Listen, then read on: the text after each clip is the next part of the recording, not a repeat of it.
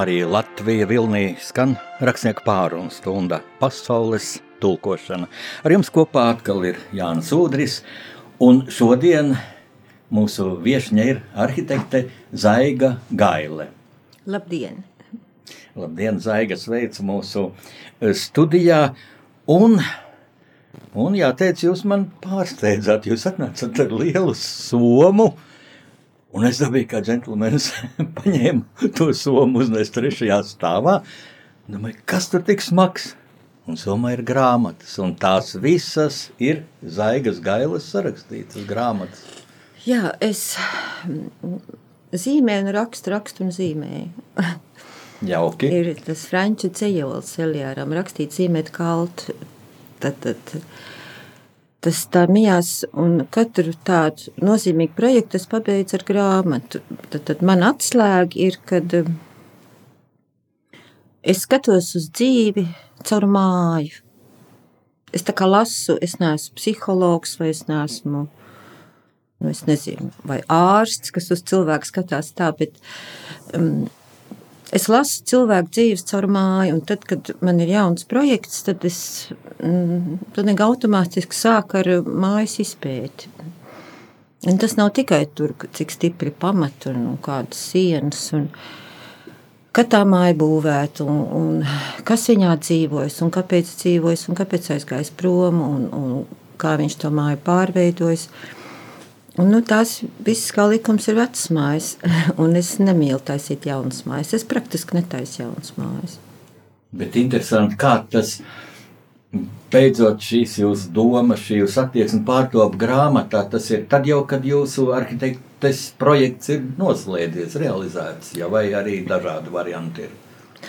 Nē, nu, tad, kad, piemēram, pie manis nonāk viena koka māja ķīpsalā, nu, par to es arī esmu uzrakstījis grāmatas. Tad tas parastais ceļš ir, ka mēs dodamies uz pilsētas arhīvu vai uz lielo valsts arhīvu. Un tur parasti var atrast mājas oriģinālo projektu, kurā gadā viņš ir celts, kas ir bijis arhitekts, kas tajā mājā dzīvojis. Tad valsts arhīvā jau var noskaidrot, kas ir dzīvojis, un, un var dabūt vēl pasas fotografiju. Un man tas liekas kaut kas tik personiski. Nu, piemēram, ir viena māja ķīpselā, kur ir tāds skārdnieks trēziņš būvējis. Un es fantazēju, kur tam skārdniekam trēziņam bija nauda būvēt māju ķīpselā, balas dambī. Bet tā viņš viņu uztaisīja modernismu stilā 30. gados. Un kā viņš satikās ar to arhitektu, kurš dzīvoja Mešparkā, kā tas viss notika un kur viņiem bija duša un, un kā viņi tomēr iekārtoja. Un, un tur jau nāk ārā no tām mājas grāmatām arī visa dzīve. Nu, mums jau mūsu dzīve ir interesanta, ka mums bija pārāvums. Ja? Tad, tad mums bija tie 50 gadi. Un tā kā man tās vecās mājas nav neviena jaunāka par kādiem 30, 40 gadiem. Ne, ir arī padomu laika mantojums. Tas man arī patīk. Tad, tad sāc lasīt to māju, un es viņu lasu kā grāmatu, un fantāzēju. Un, un tie cilvēki, kas tur dzīvojuši, man ir ļoti, ļoti svarīgi. Jums, jūs varat uztvert, kā es to stāstu? Es varu ļoti labi uztvert, un man ir Man ir jau roka pastiepusies pie vienas grāmatas, laikam vecākā no šīm grāmatām. Tā 87. gads mēbeles jauniem cilvēkiem. Vēl padomju okupācijas laiks, jā, autori ir Zaiga un Māris Gaļi, arī mhm. jauni tajā laikā, nu nosacīti jauni, jā. Un, ziniet, es šo grāmatu arī atceros. Un arī tagad bieži kaut kur internetā ir redzama šīs vāka dizains un mūsu brīnišķīga operatore Aija. stāstīja, ka viņa desmit gadus eh, jauna meitenīte būdama ir jūsmojusi par šo grāmatu.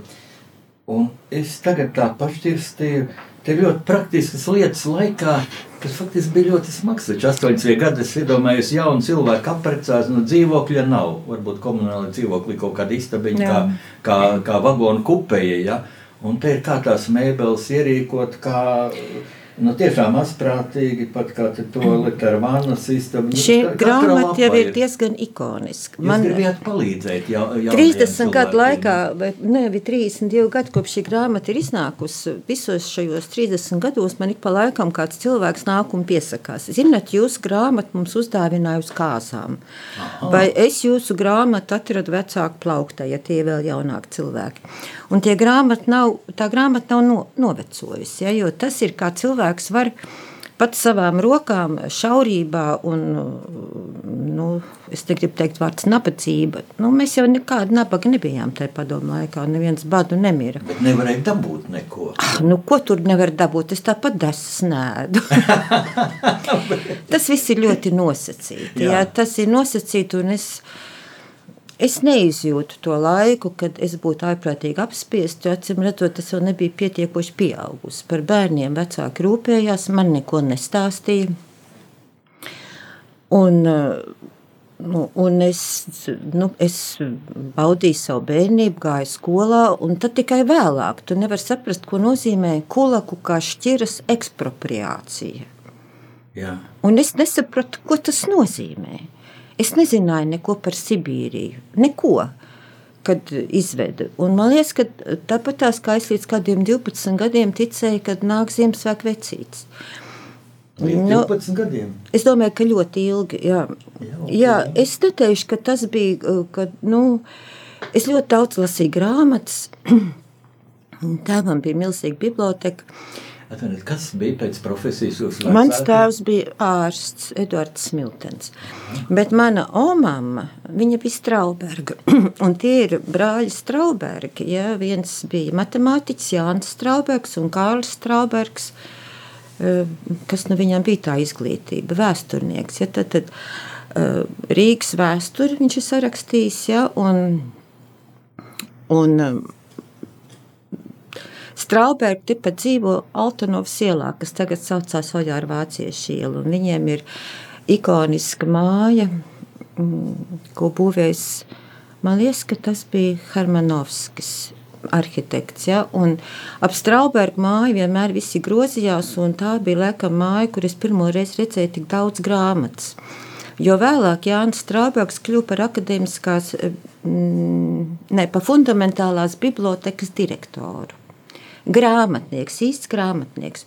Un jūs zināt, kas vēl tagad man saslēdzās, jo es ilgāk dzīvoju, jo vairāk tās lietas savienojās. Tagad es esmu Vāgner mājā, un es strādāju pie tā projekta. Un mūsu fundamentālā biblioteka atradās Vāgnera mājā. Tā kā tie riņķi tā saslēdzās, un kā tad, kā tad es to varētu zināt, ja es nebūtu pētījusi, teiksim, Vāgner mājas vēsturi, ka tur padomu laikā, uzreiz kā kara laikā, tur bija vāciešu repatriācijas vai kā nu tur tie svešvārdi. Ja? Tur viss, kas ir bijis Vāgner mājā. Un pēc kara uzreiz iegāja iekšā un viss trešais stāvs, kas bija agrāk Muses eh, džentlmeņu klubs, vācu klubs, tur bija skaista zāle, Un tur iekārtoja eh, komunisti fundamentālo biblioteku. Un acīm redzot, tās grāmatas, ko es redzēju profesora Strauberga mājā, viņi bija kaut kur savākuši un izglābuši.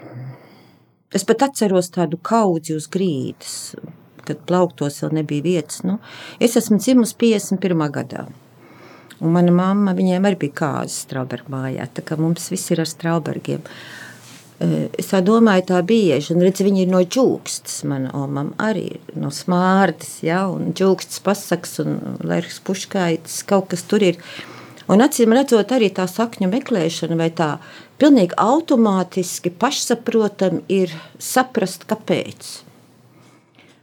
Vienalga, kādā saprast tos iemeslus, kāpēc tu esi šai pasaulē, kā viss notiek. Un, un, nu, protams, tad nonāk pie jautājuma par Dievu. Nu, es to,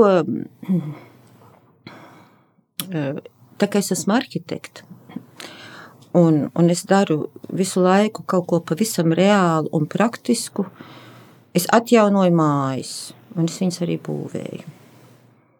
Un tad tā ir mana atbildība, kā es to pasauli, vai es viņu padaru bagātāku, vai es viņu noplicinu, vai es tai mājai nodaru pāri un līdz ar to visai pasaulē.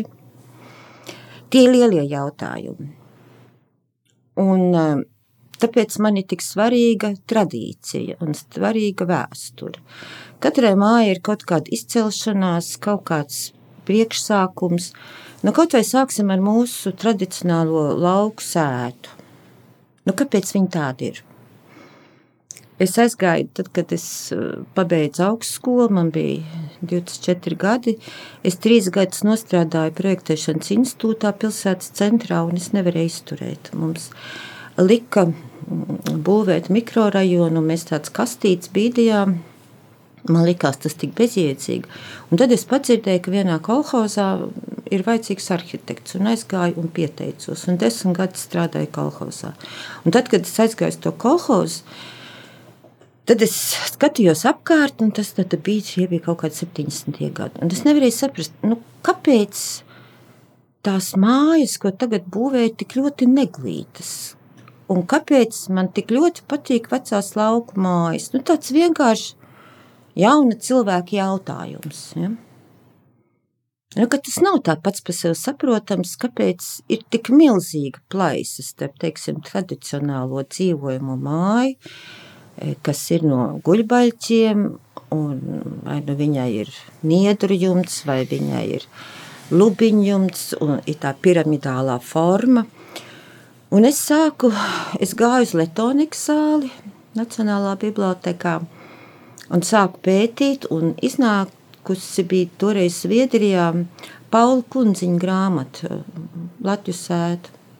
Tā ir visfundamentālākā grāmata un sāk pētīt. Un, un tad arī pat izdevu tādu nelielu grāmatiņu, māja.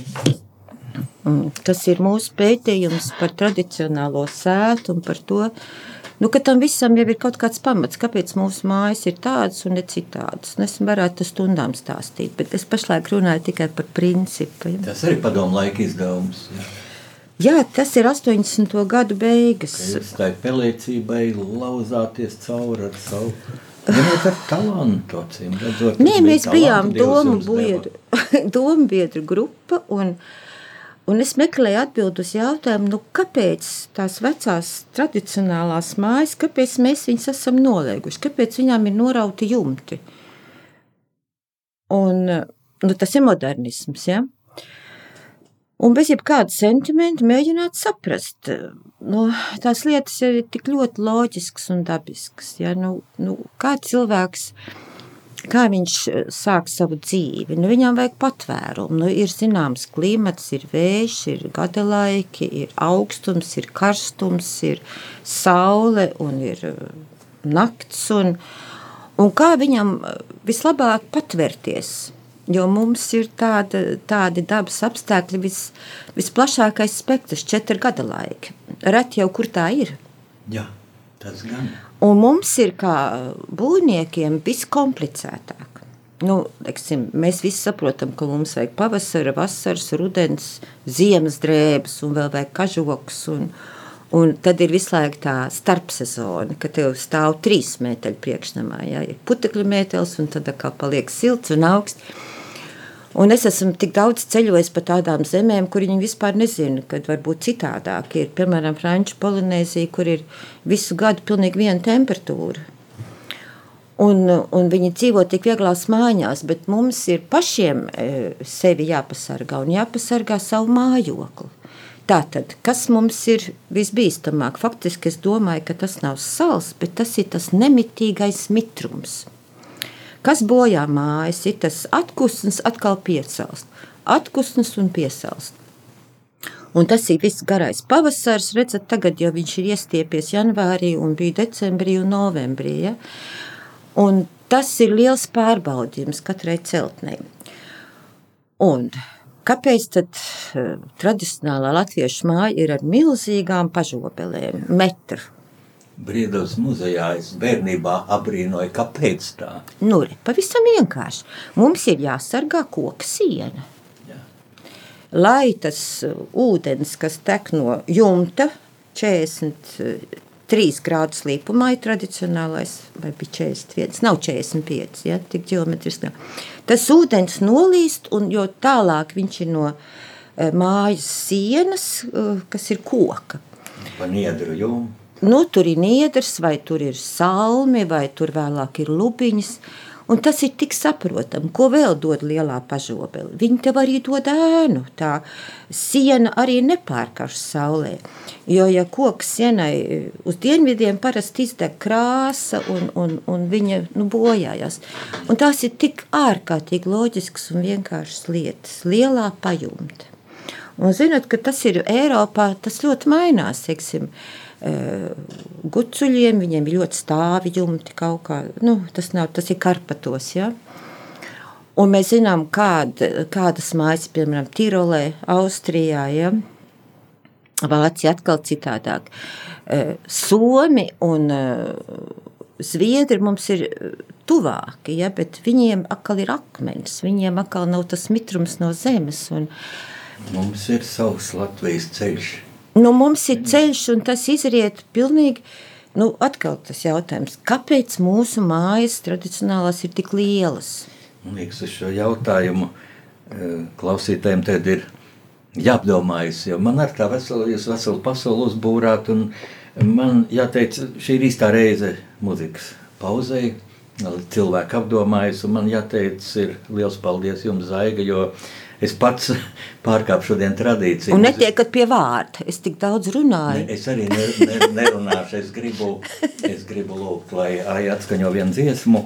Un es pārkāpu tradīciju, ka mm, parasti viesis izvēlās šo muzikālo skaņdarbu, bet uh, šodien ir īpaša diena. Šī ir diena, kad es pieminu savu tēti. Viņš aizgāja debesīs pirms daudziem, daudziem gadiem, 3. februārī. Un tāpēc es ar zaigas atļauju e, lūkšu, lai skan, lai skan man tēta mīļākā dziesma, kuras arī no bērnības atceros.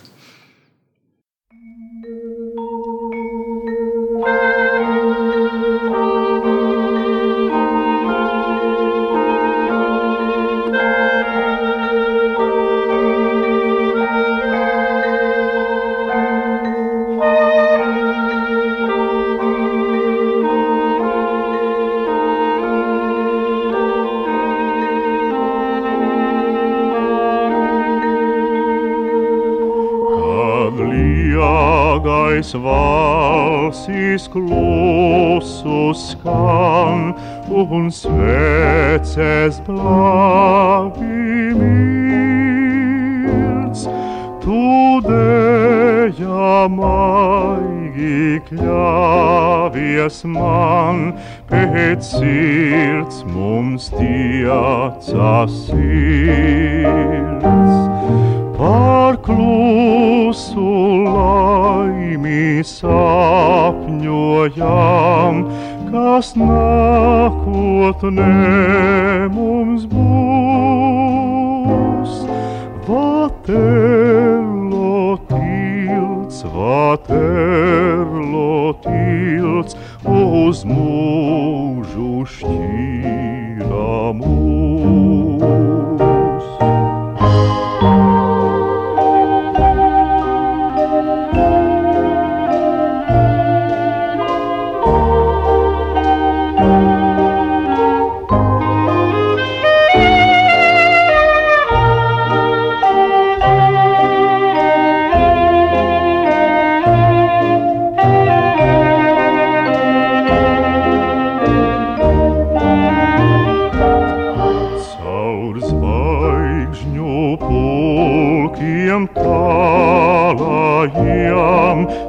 Skats man pretī mīls. Sen tevis nav, bet rokas man tavs dotais amulets. Uz tilta vientuļš stāvu es, sirds mīlās pilna kaist, kad dzirdu balsi pēdējo, kas zvaigžņu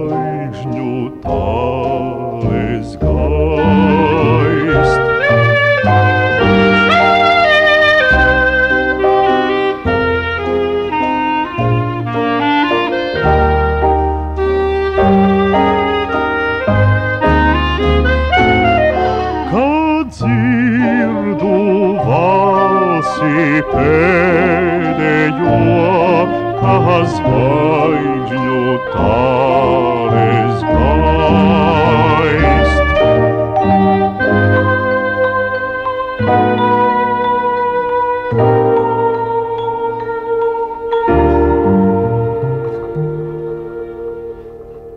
Klausāties rakstnieku pārunu stundu, pasaules tulkošana un mūsu viešņā šodien ir arhitekta Zaiga Gaile. Mm, Zaiga, jūs tik interesants lietas pateicat par savu profesiju, bet tagad man jautājums, vai tā ir jūsu profesija? Nu, nu, protams, kad ir, saprotiet, man pareizi, bet man kaut kā prasās kaut kā plašāk. Man liekas, kad es, kad es vēroju, ja, jūsu projektus, kas ir realizēti, kad es zinu, ko jūs pašlaik realizējat. Es ceru, ka mums būs laiks par to parunāt. Jūs minējāt arī Vāgneru, Vāgneru zāli. E, Man liekas, tas jūsu aicinājums, jūsu, ziniet, jūsu vērtību sistēma. Kas tas jums ir? ja, kas tas jums, kā jūs to teiktu? Un vēl ir tā, nu, šeit ir dažādi cilvēki sēdējuši studijā, kā man viesi. Mm, Un ir, ir ļoti augsti, teiksim, amati, nu, ļoti godprātīgi, labi cilvēki, teiksim, bruņoto spēku komandieris un tādi, ja. Es, es pat nedomāju, kādu titulu jums teikt, jo Zaiga Gaili, arhitekte, un tas skan ļoti cildeni. Lai gan cits teiks, es nezinu, Jānis Bērziņš, teiksim, arhitekts, nu un tad, jā, nu, es pieņemu, es, es izdomāju to vārdu tādu, ja. Jums tas ir kaut kas ļoti dziļš, vai jūs Jā, nu, tā ir absolūti pateikt? tā ir būtība. Jūsu, jūsu būtība, ja? Jā. Es Būtība. vis, man viss ir arhitektūra. Pilnīgi viss. Visa dzīve ir arhitektūra. Jā, Jūs jo es braucat auto... par Rīgu ar velospēdu, un tā ir arhitektūra. Jūs skatāties, kā izbraukt, kā neizbraukt, ko tur vajag uzlabot. Arī ir tā, vai es jau aizbraucu par Nu, tālu. tas ir, es domāju, ka tas ir dziļāk. Nu, es skatos uz kādu ainavu, un es jau viņu redzu, kā viņa būvēta koks. Eh, Nu, man ainava, man ir arhitektūra. Varbūt tā, ka es tā uz viņu skatos. Nu, jo viņa sastāv, tur ir reljefs kaut kāds koki, vai tur jūra, vai debesis, un tas jau ir tā kā kompozīcija. Labi, bet es tagad nejaukšos tapā Dabā. jo mēs ainavu pārveidojam. Tāpēc mēs pētām ne tikai mājas, ja arhitekts jau nav. Ko dara arhitekts? Arhitekts būvē mājas. Nu, nē, tas jau ir plašāk. Tas ir nu, faktiski. Nu, mēs jau ainavu veidojam. Tas, ko mēs pavisam vienkārši piemērs Rīgā ieliekam kādu jaunu māju, kādā tukšā robā. Nu, piemēram.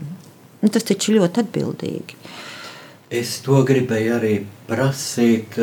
Man kādreiz sagrāba šausmas, bija skvēriņš, tagad tur liek iekšā māja, ka es teicu, liek iekšā. Nu, Nu, tie ir labi, visi nu, tie ka- kara kara laikā laika- sagrāva jā, māju, tagad jā. labi, lai tur būtu māja, bet lai viņa būtu cienīga būt Rīgā, Rīgas eh, centrā, ja? Ar arhitektūru ir diezgan, mēs esam diezgan tālu aizgājuši. Tas nav tikai Latvijā, tas ir visā pasaulē. Ja? Kad, kāpēc cilvēki būvē tik neglītas mājas? Jā, kāpēc? Kāpēc? Lēti, ātrāk, ātrāk naudiņu, lai nāk. Kāpēc? Kāpēc? Tas ir visā kāpēc viņiem pasaulē. ļauj? Nu, kur ļauj, neļauj? Nu, jā, nu, nu, tad es varētu tikpat labi jums pajautāt, kāpēc cilvēki tik neglīti ģērbjas pašlaik un tik slikti izskatās. jā. Ja es paskatos vecās fotogrāfijas, ir teiksim, pilsētas ainava un ir melni, skaisti, slaidi silueti. Viņi ir sakārtoti, viņi ir stingri kontūrēti. Vai paskatieties, jebkuru vecu fotografiju, cik cilvēki ir skaisti. jā. Viņam ir stāja, viņš ir savākts labi. Agrāk pie fotografa tur ilgi riktējās, un mēs zinām, ka tas nebija tā kā pacelt telefonu tagad un klikšķi, un to es nobildēts. Ja. Ja mājās nāca fotogrāfs vai jūs gājat uz darbnīcu, protams, nolika. Bet cilvēks nevarēja iedomāties, ka viņš varētu pa ielu staigāt, teiksim, noļukušos šortos, izgāzušos vēderu un tēkreklos. Un, un, es tiešām domāju, ka ir tāds modes kults, un tas jau arī viss, protams, ir industrija un tirdzniecība, bet kāpēc cilvēki tik šausmīgi neglīti ģērbjas? Un kāpēc viņi ir tik nesavākti, sākot jau ar viņu ķermeni, ar viņu stāju? Ko jūs redzat apkārt? Es kad braucu vilcienā no Gora. Nu, mēs bijām uz koncertu. Reizekne, ārkārtīgi skaists koncerts. Un nu, vienalga, kur visur skatās telefonā, vilcienā, visas tās trīs stundas. Bez apstājas tas cilvēks visu laiku, viņš nepaceļ acis, nepaskatās pa logu. Bet tā jau ir tāda absolūti starptautiska un globāla problēma. Es atceros, ka trīs stundas lasīju grāmatu vilcienā. Manā Brīnišķīgi. jaunībā, un es lasīju. Man patika braukt ar vilcienu. Es arī braukāju no asariem, kur mēs dzīvojām. Un, un tagad arī mēs trīs stundas lasījām, izlasīju visus jaunākos. Nē, nu, nu, tad, tāpēc ir jautājums arī tāpatās, kāpēc mēs esam tik, tik nolaidušies un tik izmežģījušies. Un tas jau nav tikai kā tu ej un sevi nes, tas ir arī tās tavas domas. Ja tas jaunais cilvēks bakst to telefonu trīs stundas, es sēžu un fantazēju, vai tā ir spēlīte, vai tas ir kaut kāds čats, vai tas ir nu, ar kādu tur plāpā, vai, vai varbūt viņš lasa romānu, vai varbūt viņš lasa Delfos ziņas. Jūs redzat, kā, nu, kā cilvēks tā šķiež to savu laiku, ja? Mums Jā. ir tikai viens, viens laiks, un, un liekas, kad, kad tu esi jauns, ka tev ir ļoti, ļoti daudz laika, bet um, nu var spēlēt spēlītas, varbūt tas prātu asina, trenē. Mans vīrs var spēlēt spēlītas. Bet viņš ar daudz strādā. Viņa daudz lamā, kritizē. Ir Romai, es domāju, arī par ko slavēt. Nu, katrā ziņā jūs, man liekas, jūs esat laba komanda arī. Man ir prātā, mm, kā viņi intervēja televīziju, Māra Gaila uzņēmēja, tātad, kas arī, arī eh, daudz dara ķīpsals pārveidošanā, un ne tikai. Un par šo Vāgneru zāli, ja viņam televīzijā prasa, kāpēc jūs to darat, man patīk, viņš atbildē, man ir interesanti. Man liekas, tā ļoti godīga atbilde un ļoti tāda, nu, es teiktu, pozitīva atbilde, ja? Ne, nu, dara, kas ir interesanti un ko vajag Rīgai. Es tādu Bet vai negribētu tur nebija jūsu pirksts arī, kā Bija, bija. arhitekti, jūs neteicāt, nu, nevar tā šo izcilo celtni tā, ne, tā necelsim atstāt. tādos augstos toņos. Ja? Mēs esam abi divi vienkārši strādīgi cilvēki, un, un, Jā. un mums ir interesanti tas, ko mēs darām, un tas arī mūs tikai tur kopā 40, cik tur tos gadus. Ja? Mm, eh, un es nesaucu to nekādos augstos vārdos. Tagad to sauc par dizaina domāšanu. Jūs zināt, ir tāda nozare. Mm, Profesori raksta disertācijas un stāsta studentiem, kas ir dizaina domāšana. Man liekas, ka tā ir vienkārši domāšana, kas mums pietrūkst. Kad tu kaut kādas lietas savieno, kad tu kaut ko ieraugi. Nu, un tagad tik līdz vēmšanai runā par radošumu. Un jo vairāk par to runā, jo man liekas, mazāk radoši ir mazāk ir, cilvēki. jā. Viņi faktiski ir trulāki.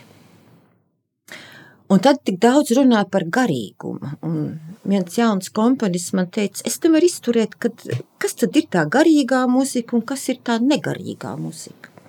Un tas ir atkal par to pašu tēmu. Nu, ko tu mali par savu radošumu un savu garīgumu? Nu, dari pēc labākās sirdsapziņas, un dari, ko tu jūti, un dari to godīgi.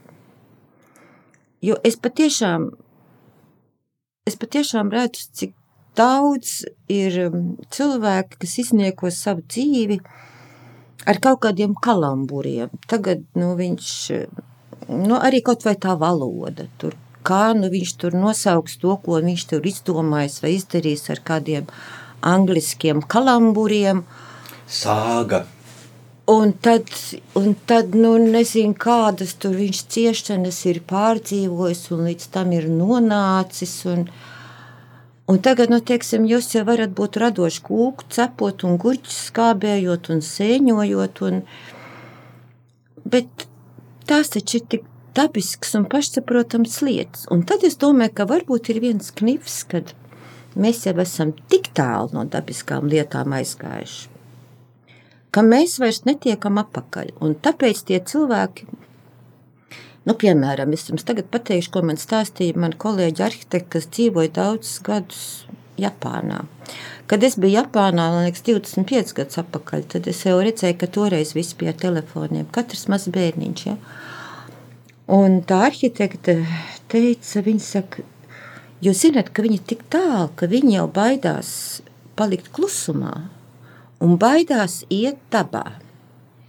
Tas cilvēks ir tik ļoti no tā attālinājies, ka viņš vairs nav Un es tagad skatos, tas pats notiek Latvijā. Ka mēs tagad iesim staigāt. Tas bija tā kā uh, mans tēvs bija Amerikā 61. gadā pirmo reizi. Un tad amerikāņi saka, tagad brauksim pastaigāties. Tagad viņi kāp mašīnā, aiziet nopērkojās autostāvvietā, samaksā biļeti un tagad dodas pa tām kapā, takām. Vai nu gar jūru, vai gar kalnu, tur ir toaletes, tur ir dzeršanas vietas, tur ir kafejnīca. Un man liekas, ka mums ir arī diezgan tuvu jau pie tā brīža, kad cilvēks tā vienkārši nevar iziet mežā, izkāpt no vilciena un aiziet uz mežu. Kad Bet tev ērce var iekūst, un tagad, protams, lielākais pupulis ir ērts, un tāpēc iet pa tām iekārtotajām taciņām, laipiņām par Eiropas naudu, atkritumi. Kad nu, daudzi jau, kas atbrauc uz Latviju, viņi saka, mēs vēl esam nu, tā salīdzinoši diezgan tuvu dabai un diezgan tuvu tādam, tādai sapratnē par uh, lietu dabisko gaitu, kā tu ej dabā. Nu, es jau esmu tik vecs cilvēks, kad mana bērnība, protams, pagāja vasarā. Ziemā tepat Āgenskalnā šļūkāja pa kalniņu un, un, un vasarā braukāja riteņu un peldējās upē. Uh, un eh, kaut ko darīja, un tad, kad lietas lasīja grāmatas, nu, mm, tagadējo bērnu dzīve ir totāli izmainījusies. Viņš jau ir jālūdzās, lai viņš ietu laukā. Un, teiksim, es pievedu, man seši mazbērni. Es viņu pievedu pie koka, savu mazdēlu. Viņa saka, nu, paskatieties, ka te forši var uzkāpt tajā kokā. Bet viņš to nevar vairs izdarīt. Tad vecāki viņu ved uz to bērnu rotaļlaukumu, kur varbūt no tiem sakautušiem kokiem ir uztaisīta tāda stumbra, savilktas virves, jāsamaksā biļete. Tad var kāpt kokā. Bet patiešām tā jā, ir realitāte. Jā. Jo bērni tagad viņiem visur, kur vajag rotaļlaukumu. Varbūt tas pāries, bet zinot, vienmēr jau ir tā kā liekas, ka nu, tik, tik traki kā tagad nav bijis nekad. Es redzu arī, kad griežās uz riņķu un iet apakaļ. Vai jūs arī nu, nesat tā pamatīgi pielikusi roku pie tā, lai griežas riņ, uz riņķi un iet atpakaļ uz to saprātu, uz to skaisto, kas ir zudis. Lūk, atjaunojot koka mājas. Jā, ja? par to es tagad varu Es atceros parunāt. savā jaunībā ar, ar šausmām, nu, skaista māja var redzēt tikai nolaista. Un kādreiz pat ne tikai nolaista, bet viņi jauc nost šos jaunos kvartālus, šīs šī, šīs Āgānskalna priedes, kur neviena prieda nepalika, ja kad uzbūvēja, un, un, un, un tur bija koka mājas. Nu jā, nu un tā tagad mēs varam jūs, jūs to uzsākāt, jā? Jā, es to iesāku, jā. Baznīca ielā, manuprāt, ir māja. To mēs pārcēlām uz Ķīpsalu. Tagad, jā? Ne, mēs jau viņu pirms tam pārcēlām. Stikla sienas riņķi, un, bet tas bija tik brīnišķīgs. Un, nu, tā māja tā kā muzeja eksponāts, jā, pilsētas centrā. Tur es arī pieliku roku, jā, tas ir Andra Krombergs projekts. Jā. Lūdzu, jā. Tur uz stūri bija koka māja, un tad viņi sāka būvēt eh, daudz stāvu biroja ēku ar autostāvvietu. Mm -hmm. Un, Turpat Kanādas vēstniecība jau kaut kas Nē, tāds. tas ir pie ģērtrūdas baznīcas. Ah, jā, jā, Tur jā. ir blakus nu, bija jā, uz stūra māja un tālāk, jā. un tagad viss jā. trīs ir nost. Un, un tad, kad mans vīrs, viņš bija attīstītājs tam projektam, un, un es viņiem abi ar Andris Kronbergs atkal savukārt ir mans kursa biedrs. Es teicu, es šķiršos no vīra, ja viņš šito koka māju nojauks. Un tad Andris Kronbergs izdomāja tādu ļoti interesantu veidu, kā to mājas atmiņu saglabāt. Ja? Ka viņš palika viņa zem stikla. Ir visādi veidi. Nē, nu mēs varam no rīta līdz vakaram šausmināties, cik viss tagad ir slikti. Ir daudz kas labs. Un tās nu, jūs atjaunotās koka mājas? Nē, nu, es jau saku, tā ir tā pretdarbība. Es 2001. gadā nopietni piestrādāju, lai iznāktu šī grāmata Koka Rīga. Tas mēs esam autoru kolektīvs, Un 2001. gadā, faktiski ap milēnijumu, bija tā, ka bija jau pagājuši pirmie desmit neatkarības gadi, kad gāja uz urā. Nu, tikai attīstīsim, īpašumu gāja no rokas rokā, un nu tik mēs tagad jauksim nost, un nu tik mēs tagad būvēsim. Un mēs sapratām, ka mums ir vajadzīga starptautiska palīdzība. Un mēs Rīgā sarīkojam, ir tāda organizācija Eiropa Nostra, mūsu Eiropa, kas ir dibināta 60. gados, e, kad tas vēlās pāri Eiropai un pasaulē. Ja? Tad, tad modernisms pēc kara e, strādniekiem jādzīvo gaišos dzīvokļos ar manas istabām, un toaletēm un virtuvēm, bet mums šeit nekas nenotika. Mēs turpinājām dzīvot, kā mēs dzīvojam, nu, pieņemsim tā vecā koka mājā. Un cilvēki dzīvoja kā viduslaikos visus šos gadus. Bet mēs neko nenojaucām padomu laikā. Gan drīz neko. Un tāpēc mums ir pārsteidzoši bagāts koku mantojums, ar kuru mēs sagaidījām neatkarību. Rīgā ir, nu, es tagad nevaru momentā pateikt tos ciparus, bet uh, Mūs jau ielika UNESCO sarakstā dēļ koku mantojuma. Ir tad, tad trīs lietas, dēļ kā Rīga ir ielikta UNESCO pasaules mantojuma sarakstā. Tas ir jūgenstils, tā ir eh, vecrīga, viduslaiku Rīga, un tas ir koku mantojums.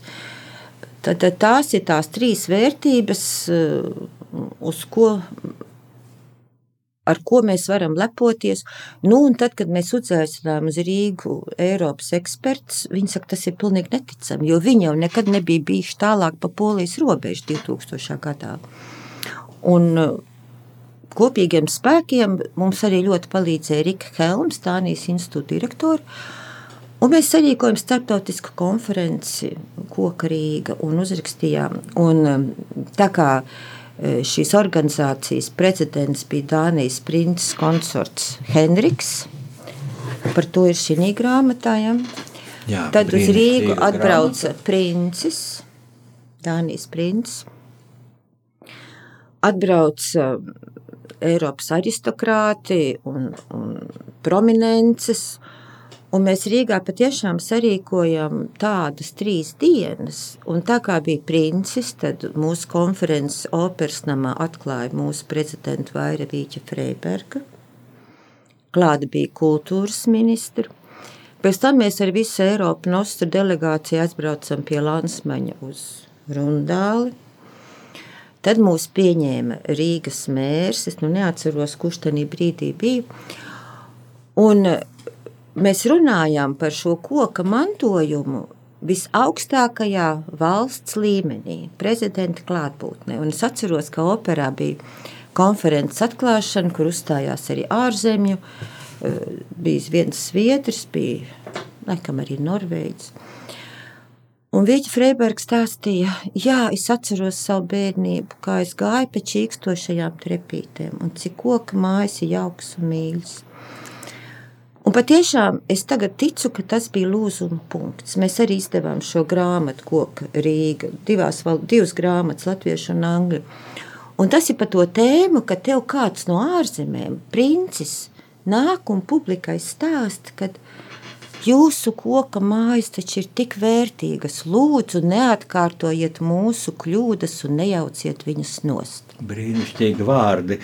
Bet es saklausīju ko citu vēl, ka jūs ar savu enerģiju, ar savām viedajām idejām, mm, tā pulcēt ap sevi domu biedrus, un tie ļoti prominenti cilvēki.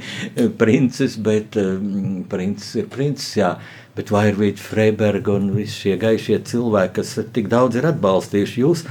Un tagad ir laiks muzikālajai pauzei, otrajai. Tā būs pēc mūsu viešņa zaigas gailas vēlēšanās.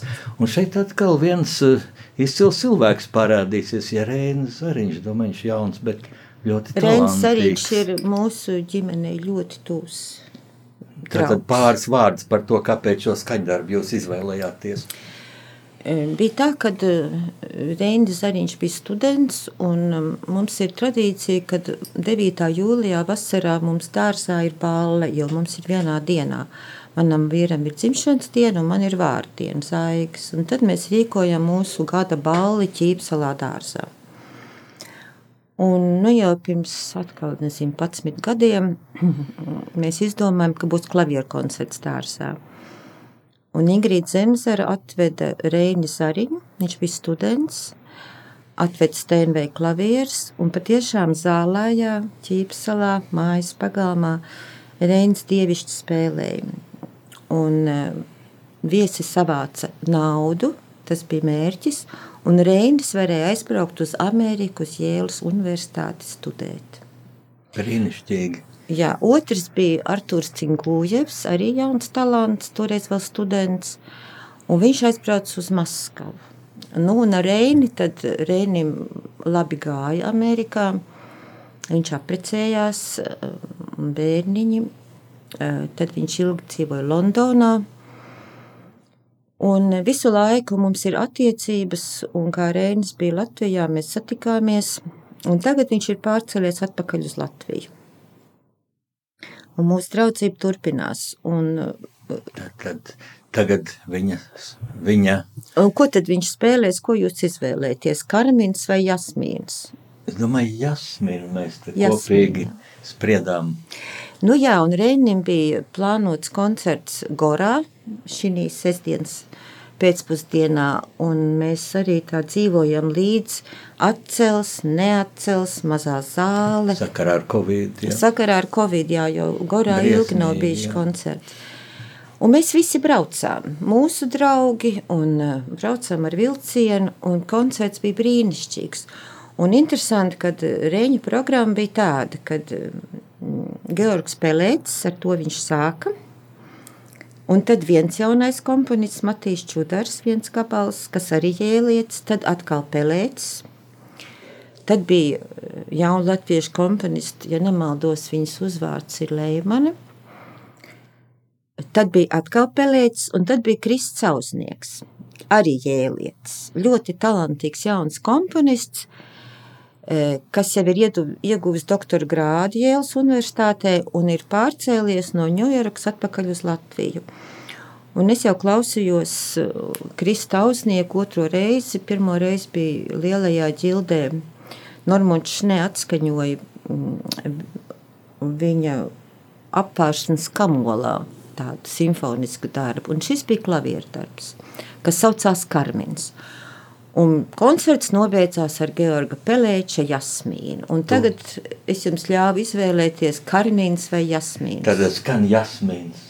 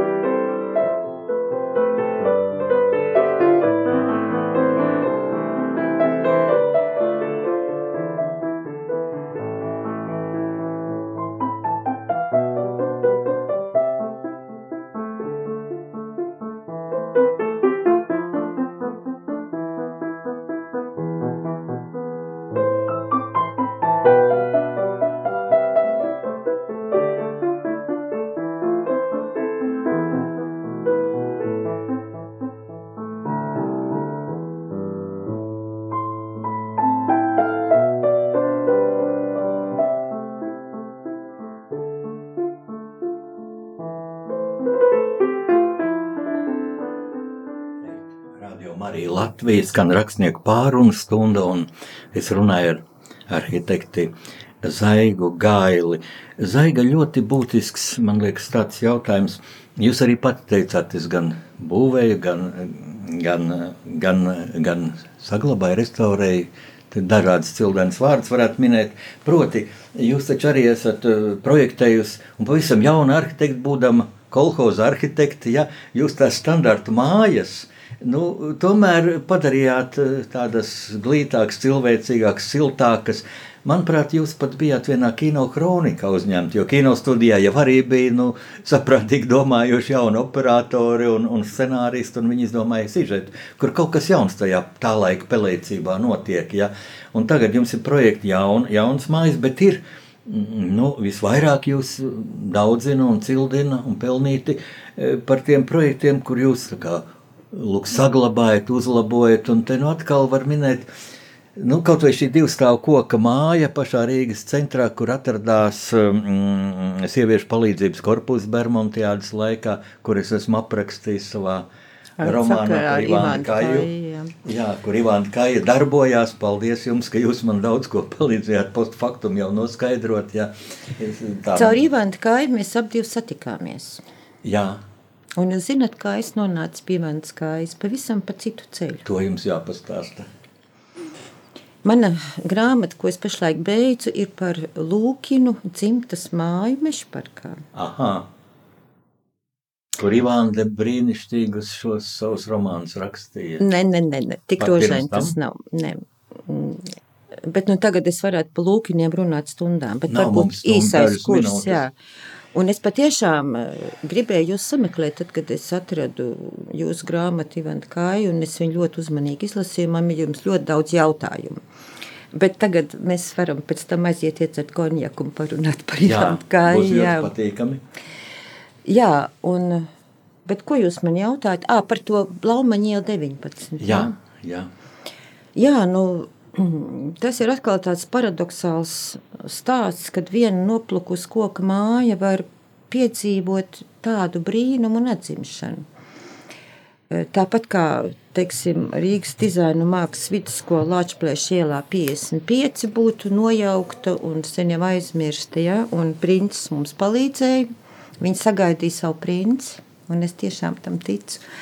Tā arī šai mājai, Blaumaņielā 19, tikpat vecs noplukus koku māju, jau bija saskaņots būvprojekts nojaukšanai, pagalmā Holandas liepa, ar tiesu bija panākuši nociršanu, Tā māja bija gājusi no roku rokās, jo sākot ar, protams, mežonīgajiem 90. gadiem. Ja, tas ir paradoks, ka tieši ar mūsu neatkarības atgūšanu mūsu mantojums bija visvairāk apdraudēts. Bet es domāju, ka daudz tādas lietas bija ļoti apdraudētas. Arī ne tikai um, mantojums.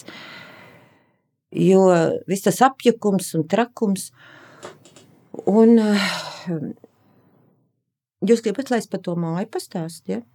Mums, diemžēl, nebūs tik daudz laika, bet pati tā, nu, ko jums nozīmē šis projekts? Tikai vēl viena unikāla vēsturiska māja, vai tas ir vēl viens attieksme. manas dzīves stāsts. Arī starptautisks projekts, ja tur tā slavenā Jā, pasaules makaronu karaliene, pareizi es atceros, jā, Past, Itāļa lieto, jā, tā tad. Itāļu pastas karaliene, nu, es teiktu, princese, jo Barīlu ģimene ir vecākie itāļu pastas ražotāji. Viņi ir no Pērmas, un uh, Emanuēls vectētiņš nodibināja uh, šo pastas fabriku. Tagad tā ir lielākā pastas eksportētāja un ražotāja pasaulē. Bet kāda viņai interese par, par un viņa atbrauc uz Latviju? Jā, un viņa atved uz Rīgu Mihāls Barišņikovs. Emanuela Barilla ir mm, no ģimenes, kur, teiksim, mamma ir māja Veronā un viņai ir māja Venēcijā, tā ir veci itāļu kultūrāli, nu, faktiski ražotāji ģimene, aristokrāti, ir pašsaprotams skaistas, vērtīgas lietas.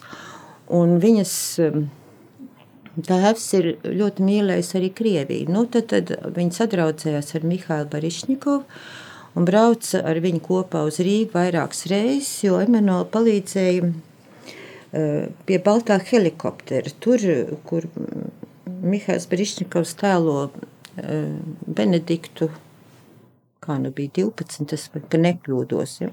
Jā.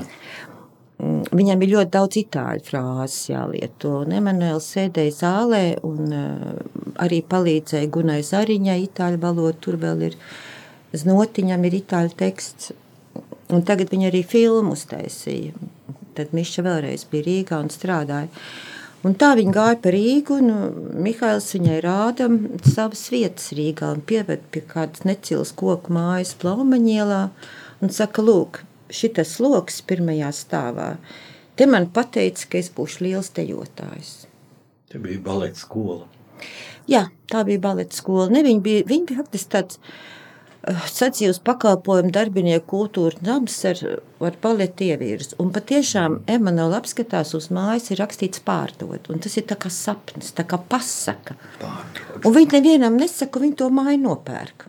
Un tad, kad viņa pēkšņi tur pārdevēja, viņa saka, viņš bija laikam kāds kazaks un domāja, ka tā ir kāda vaiprātīgā, kas to māju pārdod, pērk. Nu, šitādu vecu krāmu. Vai arī bieži jau nopērk, noplēš un būvē.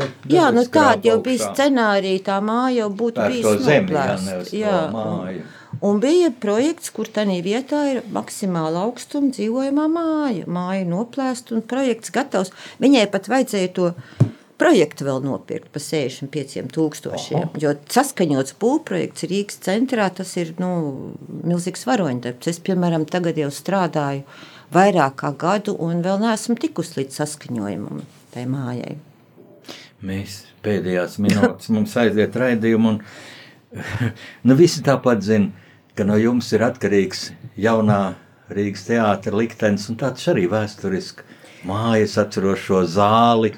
No bērnības atceros smiļus, vēl bija dzīves smiļu iestudējumi. Vai zālē paliks tā Jā. Absolūti. Jūs Tā ienāksiet. skatuvē, tās kokas Jā, jā, sienas, tā viss tur būs. Tad, kad Ai, jūs, jūs esat jā, Svētā, atnāksiet. tas ir grēks, laikam, tā teikt. Nē, svētā jūs neesat. Jūs esat jūs ne brīnišķīgs cilvēks, vieda sieviete. Beidziet, tagad lūdzu. Tas taču ir vesela paudze izauga tur. Nē, nu, Kolosāla redzi- Olga Dreģa pirms jums šeit runāja, šajā vietā sēdēja, viņa minēja par šo zāli. Tā zāle būs. Un tur Paldies ļoti, jums. un jūs ieiesiet tajā zālē, un jūs teiksiet, kad jūs paskatīsieties apkārt, jums liksies, "Nu, bet te taču nekas nav mainījies. Paldies Dievam! Bet būs uh, laba dzirdamība, laba redzamība un svaigs gaiss. To es uzņemos. Tā ir mana uzņemšanās. Tad, tad mēs, eh, saglabājot to, kas ir, mēs pilnīgi pa jaunu to zāli izbūvējam. Mēs mainām grīdas slīpumu, mēs uzlabojam akustiku un tur strādā milzīgs cilvēku ansamblis. Ja? Bet viss būs. Tāpat Vāgnera zāle būs. Vāgnera zālē arī būs. Redz, ar, jūs mazliet kļūdaties. Ir Vāgnera teātris. Vāgnera teātris, jā. Vāgnera teātris nav tur, kur ir eh, kameras mūzikas zāle, trešā stāvā. Jūs droši vien arī gājāt uz koncertiem. Jā, jā. Tā nav Vāgnera zāle.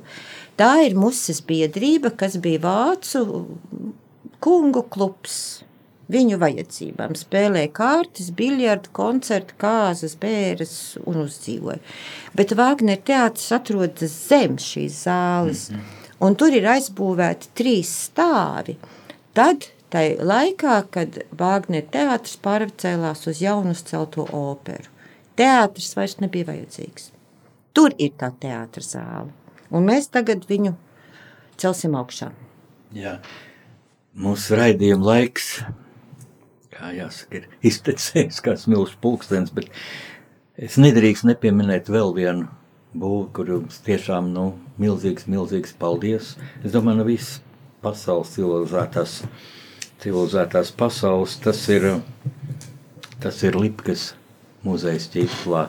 Vienkārši tikai milzīgs, milzīgs, milzīgs paldies, kas Rīgas vārdu, Latvijas vārdu ierakstīja arī vēstures grāmatā, jo mēs tik daudz esam apmeloti par šo holokaustu un par ebreju šaušanu, kur diemžēl arī ir bijuši traģisks lapus, kaunpilns lapus, bet nu, kas parādīja, ka mēs esam jā. cildena tauta.